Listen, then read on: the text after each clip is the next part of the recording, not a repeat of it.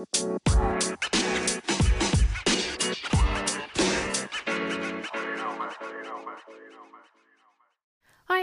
mijn naam is Janneke en welkom bij mijn Positief met Pubers podcast. De podcast waarin ik elke week vragen van ouders beantwoord over het opvoeden van pubers.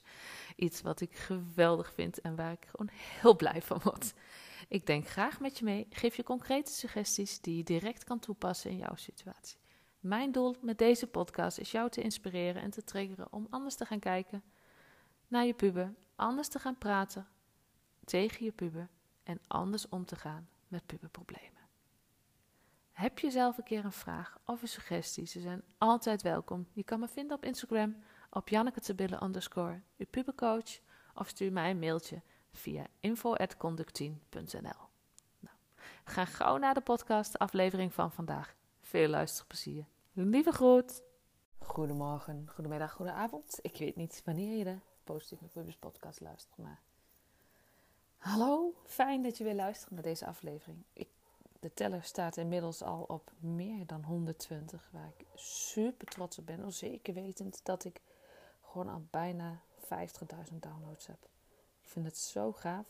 En wat ik met name gaaf vind, is dat jij, degene die dit luisteren, de ouders die dit luisteren, de professionals die dit luisteren, echt ook van heel veel, tenminste dat krijg ik dan terug, dat ze denken van, oh ja, dit is herkenbaar. Oh, wat fijn dat ik niet de enige ben. En oh ja, ja, ja, Janneke, ik heb al zoveel podcasts van jou geluisterd. Op een gegeven moment weet ik hoe ik anders kan gaan denken. En pas ik dat bewust en onbewust toe. Weet je dat soort reacties, dat vind ik gewoon heel erg fijn.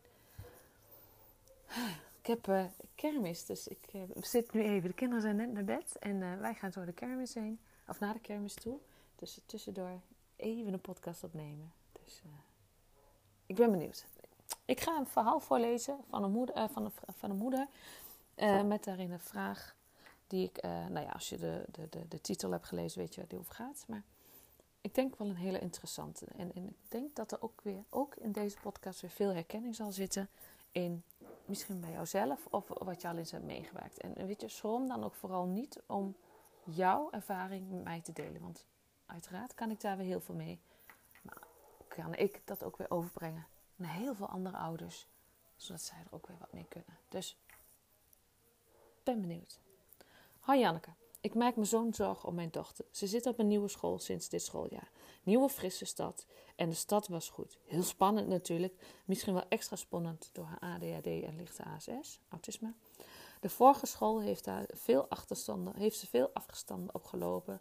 Doordat ze last had van angsten, spanning en faalangst. Ze is nu twee weken naar school geweest en de dinsdag weer voor het eerst thuis gebleven omdat ze moe was en de hoofd zat vol. Vandaag regende het en wil ze niet de regen naar school. Ik heb haar benaderd als een gewone puber en geweigerd haar te brengen. 15 minuten fietsen. Toen het droog was, kon ze niet meer schakelen, zei ze.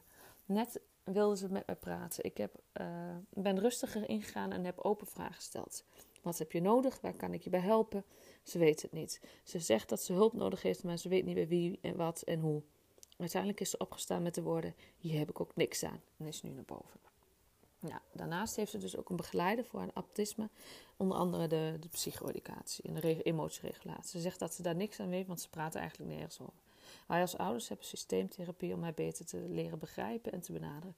Nu weet ik even niet wat ik het beste kan doen. Ik wil haar zo graag helpen, maar weet niet hoe. Heb jij tips voor mij?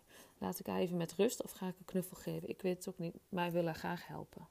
Nou, Allereerst heb ik deze moeder natuurlijk bedankt voor haar openheid. Wat ze vertelt in dit verhaal, vertelt ze eigenlijk al heel veel over haar en over haar puber. Wat mij natuurlijk weer de gelegenheid geeft om een nog beter advies te geven. En uh, dat maakt dat ik, oh nou hoop ik dat het goed is gegaan. Yes, daar ben ik weer. Mijn moeder belde aan, dus ik moest heel even de deur open doen. Goed, weer naar de vraag. Allereerst heb ik deze moeder, zoals gezegd, bedankt voor haar openheid. En daarna het eerste wat ik heb gezegd, en dat is wat ik eigenlijk altijd zeg, is: Weet je, jij, hebt je, jij bent moeder. Jij voelt het beste wat nodig is voor je kind. Dus wat voelt voor jou goed om dit moment te doen?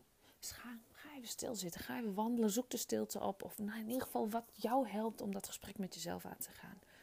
En stel jezelf de vraag: wat voelt voor mij op dit moment goed om te doen? Is dat het geven van die knuffel? Doe dat dan. Is dat met rust laten. Doe dat dan. Kijk wat voor jou goed voelt. Is dat het gesprek aangaan, de rust pakken? maakt niet uit. Doe wat voor jou goed voelt, zo belangrijk is. Ook het stuk, de vraag, wat heb ik op dit moment nodig? Niet alleen voor jezelf, maar ook naar je puber toe. Wat heb jij nu nodig? Is normaal gesproken een hele goede vraag. Maar in dit geval, met al lichte ASS-problematiek, kun je jezelf afvragen: wat heb jij nu nodig? Is dat wel duidelijk en concreet genoeg? Zou het lukken om de vraag voor haar dan specifieker te maken? Dus gericht op school. Wat heb jij nu nodig ten opzichte van school? Wat maakt dat, dat het nu niet lukt om naar school te gaan? Dus op hoe, hoe je dat ook doet, maar kijk of je die vraag dan voor jouw dochter of zoon gericht kan maken. Of, of ook, ook de verwachtingen op, school, zijn die al helder? Of, of dat mensen leren kennen. Kijk waar de problematiek zit. Het kan ook tussen haakjes gewoon zijn dat ze moe is. Weet je, ik merk ook dat ik moe ben. Weet je, de eerste weken van een nieuwe schooljaar. Ik ben zo, dan heb je, zit je net in het ritme van vakantie. Zes weken vrij, lekker uitslapen, rustig aan. Ik hoef niet te veel. Nou, dat geldt voor je puber ook. Dus het weer in de structuur komen, weer naar school gaan, weer huiswerk maken. Weet je, alles moet weer even op gang komen. En dat gaat gepaard met heel veel energie. Het kost best veel energie. Dus het kan ook gewoon zijn dat het echt mooi is. En dat speelt waarschijnlijk ook mee. En daarbij, deze puber zit op een nieuwe school. Kent niet veel mensen. Dat vraagt misschien nog wel meer energie. Wat ik daarnaast ook belangrijk zou vinden, is dat gesprek aangaan met de begeleider over de voortgang van de begeleiding. Bij voorkeur met de dochter erbij. Dus er zijn een aantal dingen die deze moeder kan doen. Bij haarzelf nagaan. Oké, wat, uh, wat heb ik nodig? En wat voelt voor mij goed? Dat is misschien nog wel belangrijker. Deze vraag misschien een concretere vorm stellen aan de puber. En even met de psychoeducatie waar ze het over had. En met die begeleiding in gesprek gaan. Oké, maar hoe staat het met de begeleiding? Wat zijn de doelen? En waar staan we met de doelen? En nou ja, maar ook de dochter laten meedenken, meepraten over uh, wat, wat nodig is en wat wenselijk is. Want als je dochter inderdaad zoiets heeft van, nou ja, ik, ik, snap niet waarom ik hier nog ben, dan zit daar ook een bepaalde demotivatie om het niet meer. Dus weet je, dat is gewoon super belangrijk. Nou ja, mijn moeder heeft gereageerd en uh, nou ja, wat ze heeft gedaan is, ik, ze heeft haar dochter een knuffel gegeven. En dat voelde goed. En dochter lief accepteerde het ook en dat voelde fijn. Daarnaast had ze ook al uh, de school en de begeleider gemaild met, met haar zorgen. Dus uh, daar had ze verder nog geen reactie op, dus dat was oké. Wat ze ook nog had aangegeven is dat haar dochter nog geen boeken heeft, omdat haar aanmelding iets is misgegaan. Dus, en dit had ze verteld aan opa en oma. Dus dat is uiteindelijk bij moeder gekomen. En moeder gaf aan, daar zit vooral haar spanning. En, en dus school moet daar wat mee. En dat was natuurlijk iets wat ze, toen ze mij de eerste instantie de vraag stellen, niet duidelijk. In ieder geval, het was bij mij niet duidelijk. Dus mogelijk zit daar al haar spanning. Enkel bij het niet hebben van de boeken, weet je, dat is. Veel pubers vinden dat vervelend, omdat je dan niet optimaal meer kan doen. En docenten je constant aankijken van, maar waarom heb jij geen boeken bij je? Dat, dat kan spanning oproepen. En bij een meisje met met sociaal-emotionele problematiek, met emotieregulatieproblematiek, in ieder geval ASS-problematiek of ADHD, kan dat een eigen leven gaan leiden in het hoofd, kan dat heel groot worden.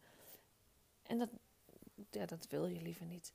Dus heel goed dat ze de school de verantwoordelijkheid geven. Want dat bij hun op school is zo geregeld dat school die boek regelt. Nou, dan moeten ze dat ook doen en moeten ze daar tempo aan van maken. En dus dat is hartstikke goed dat deze moeder dat gedaan heeft. En ook dat ze heeft gedaan wat voor haar goed voelde. En dat ze daar ook op vertrouwde, op haar eigen gevoel en dat van haar dochter.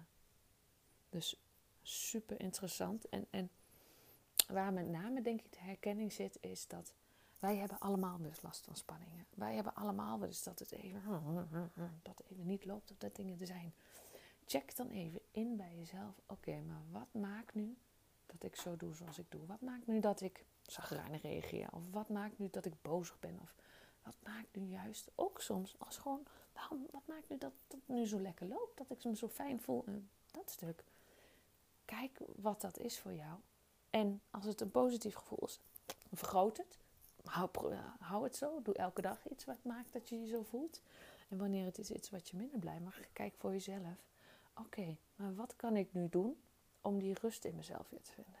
Wanneer je weet hoe jij tikt, kun je sneller schakelen, sneller switchen, kun je sneller shiften op het moment dat je dat nodig hebt. Denk een hele waardevolle. En wanneer je dit voor jezelf kan, kun je ook een voorbeeld zijn voor je puber. Kun je het ook doorzetten naar je kinderen. Tenminste, dat is wat ik altijd probeer. Oké?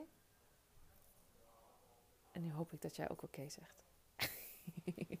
Ga ermee aan de slag. Kijk wat voor jou goed voelt. Doe wat voor jou goed voelt. Dankjewel voor het luisteren. En tot de volgende keer. Op naar de kermis. Later.